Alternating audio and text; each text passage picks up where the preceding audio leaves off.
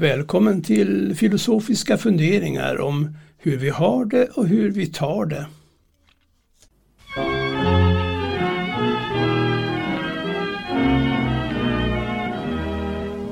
Den jorden som du trampar hos mig på Crimson Creek Den kommer ifrån himmelen och den har gjort mig rik Den duggade så sakta i många tusen år det är en himla jord min vän, den jorden där du står. De säger att den kommer från öknen västerpå Men ifrån himlen föll den, det kan du lita på. Och oceanens vindar var regnet till vår vakt Och jorden drack och grönskade och satte blom och frukt till denna himla jorden kom jag som timmerman. I Falkenberg jag föddes, John Löfgren var mitt namn. Nu kallar jag mig Löfgren och odlar apelsin. 300 kor jag äger nu, sex hästar, åtta svin så talte farmar Löfgren, jag svarade som så att lantbruk var det yrke jag minst förstod mig på men att jag hört på Pampas det yttrades ibland att jorden där, att den kom dit med storm från Inkas land. Jag tror den kallas lössjord, den kommer som ett damm. Ett stoft från heta öknar som vindarna bär fram. Jag kommer hela världen, sa Lövgren från en lus. Så är det dock en himla jord du ser ifrån mitt hus. Det låg en vacker tanke i Löfgrens romantik en tro på nåd från ovan som gjorde honom rik. Han slet där i sin djungel med halländsk energi och odlade den himla jord som han nu sover i. Hans rikdom var dock ringa, det har man insett nu. Hans egendom tog banken, en kviga fick hans fru. Men apelsiner lysa i Lövgrens spår som guld. I urskogen i Queensland och kvittar är hans skuld. Själv går jag i Ligurien på Medelhavets kust. Det blåser från Sahara jag känner Samuels hudd Jag tänker på John Lövgren och på hans drömmars land det faller jord, jungfrulig jord från himlen i min hand Det faller jord, jungfrulig jord från himlen i min hand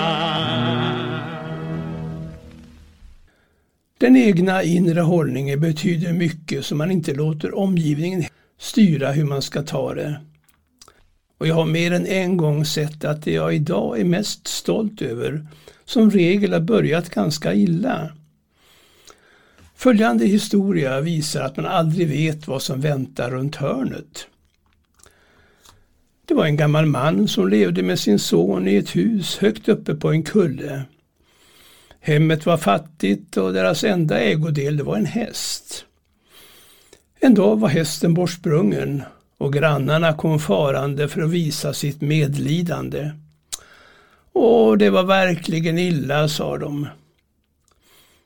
Hur vet ni det, svarade mannen. Nästa dag återvände hästen och hade med sig flera vildhästar som sonen stängde in bakom grinden. Än en gång samlades grannarna, men nu för att gratulera. Ja, det var verkligen bra, sa de. Hur vet ni det, sa mannen. Dagen därpå när sonen försökte rida på en av vildhästarna föll han av och bröt benet och grannarna skyndade dit. Ja, det var verkligen tråkigt, sa de. Hur vet ni det, sa mannen. Följande vecka drog en trupp soldater förbi och tvingade alla byns pojkar att gå med i armén. Sonen ville de inte ha med på grund av hans brutna ben. Och de unga männen de fördes till ett land långt borta som härjades av ett hemskt krig. Många av dem stupade och kom aldrig hem igen.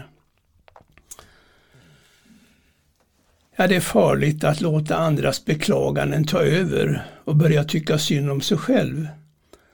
Det som förkrossar idag kan oss förutan förlösa imorgon. En tråkig start kan också med rätt attityd hos oss själva vändas till något bra. En sund revanschlusta, det är bara av godo och det stärker självkänslan. Jag tänker på Bibelns Josef som mobbades svårt av sina avundsjuka bröder. Slängdes i en brunn att dö men räddades av en karavan och blev såld till Egypten. Efter några tunga år i nya landet fick farao höra talas om Josefs gåva att tyda drömmar. Och det blev Egyptens räddning när sju goda år följdes av sju fattiga år. Farao gjorde honom till finansminister. Och när andra folk led av torkan sökte de sig till Egypten och till farao för att få hjälp. Och tack vare att Josef hade samlat så mycket säd i ladorna kunde de dela med sig senare. En dag kom även hans bröder dit för att be om hjälp, men de känner inte igen Josef. När han gav sig till känna blev de skräckslagna för att han skulle hämnas. Men istället föll, de, föll han dem om halsen och sa de bevingade orden. Ni ville mig ont, men Gud har vänt det till något gott. Ja, vem hade väntat sig det? Inte bröderna i alla fall. Man ska vara försiktig med att dra förhastade slutsatser och räkna bort vad kärleksfulla makter kan ha i beredskap. Det viktiga är därför inte hur vi har det, utan hur vi tar det. Vi måste tro att det onda eller tråkiga vi upplever kan vändas till något bra när vi själva är med och gör vårt bästa. Ja, och lyssna särskilt till sista versen. Och de försöker lura i en att historien har tagit slut. Så man inte ska bekymra sig hur det kommer att se ut. Som om allting som har hänt skulle leda fram till nu och inte vidare. Men har vi tur så tar historien inte slut på länge än. Och det är vi som är legenderna för de som kommer sen. Tack för idag!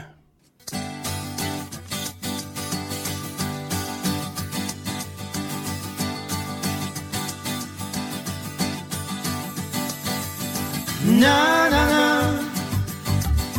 na na na na na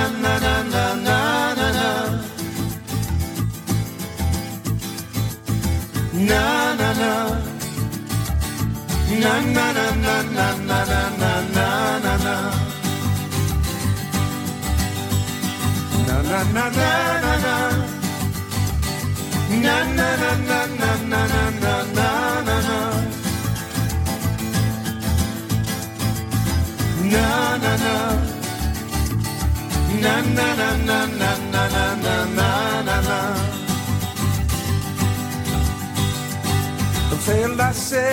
De och hela världen är så stor.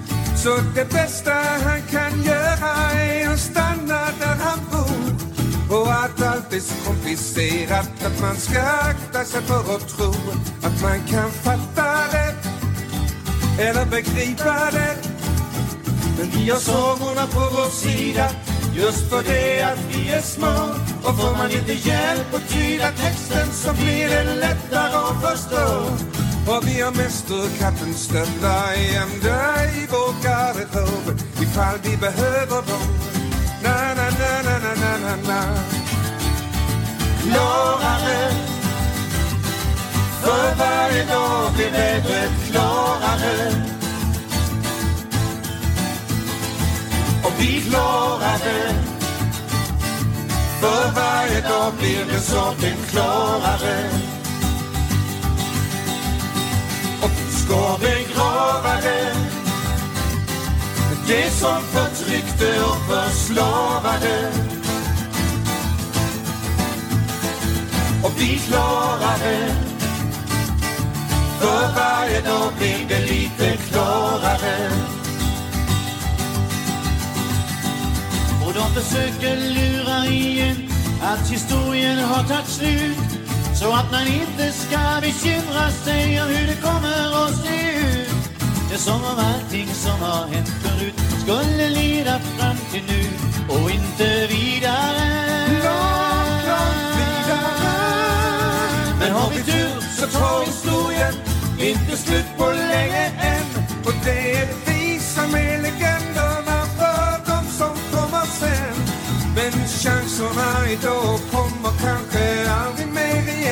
Ifall vi inte tar dem. Na, na, na, na, na, na, na, na.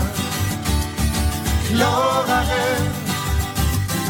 För varje dag blir vädret klarare. Och vi klarar det För varje dag blir den saken klarare. Och vi ska begrava som förtryckte och förslavade. Och vi klarade. För varje dag blir det lite klarare. Ja, vi klarade. För varje dag blir den saken klarare. Ja, vi klarare för varje dag blir det lite klarare.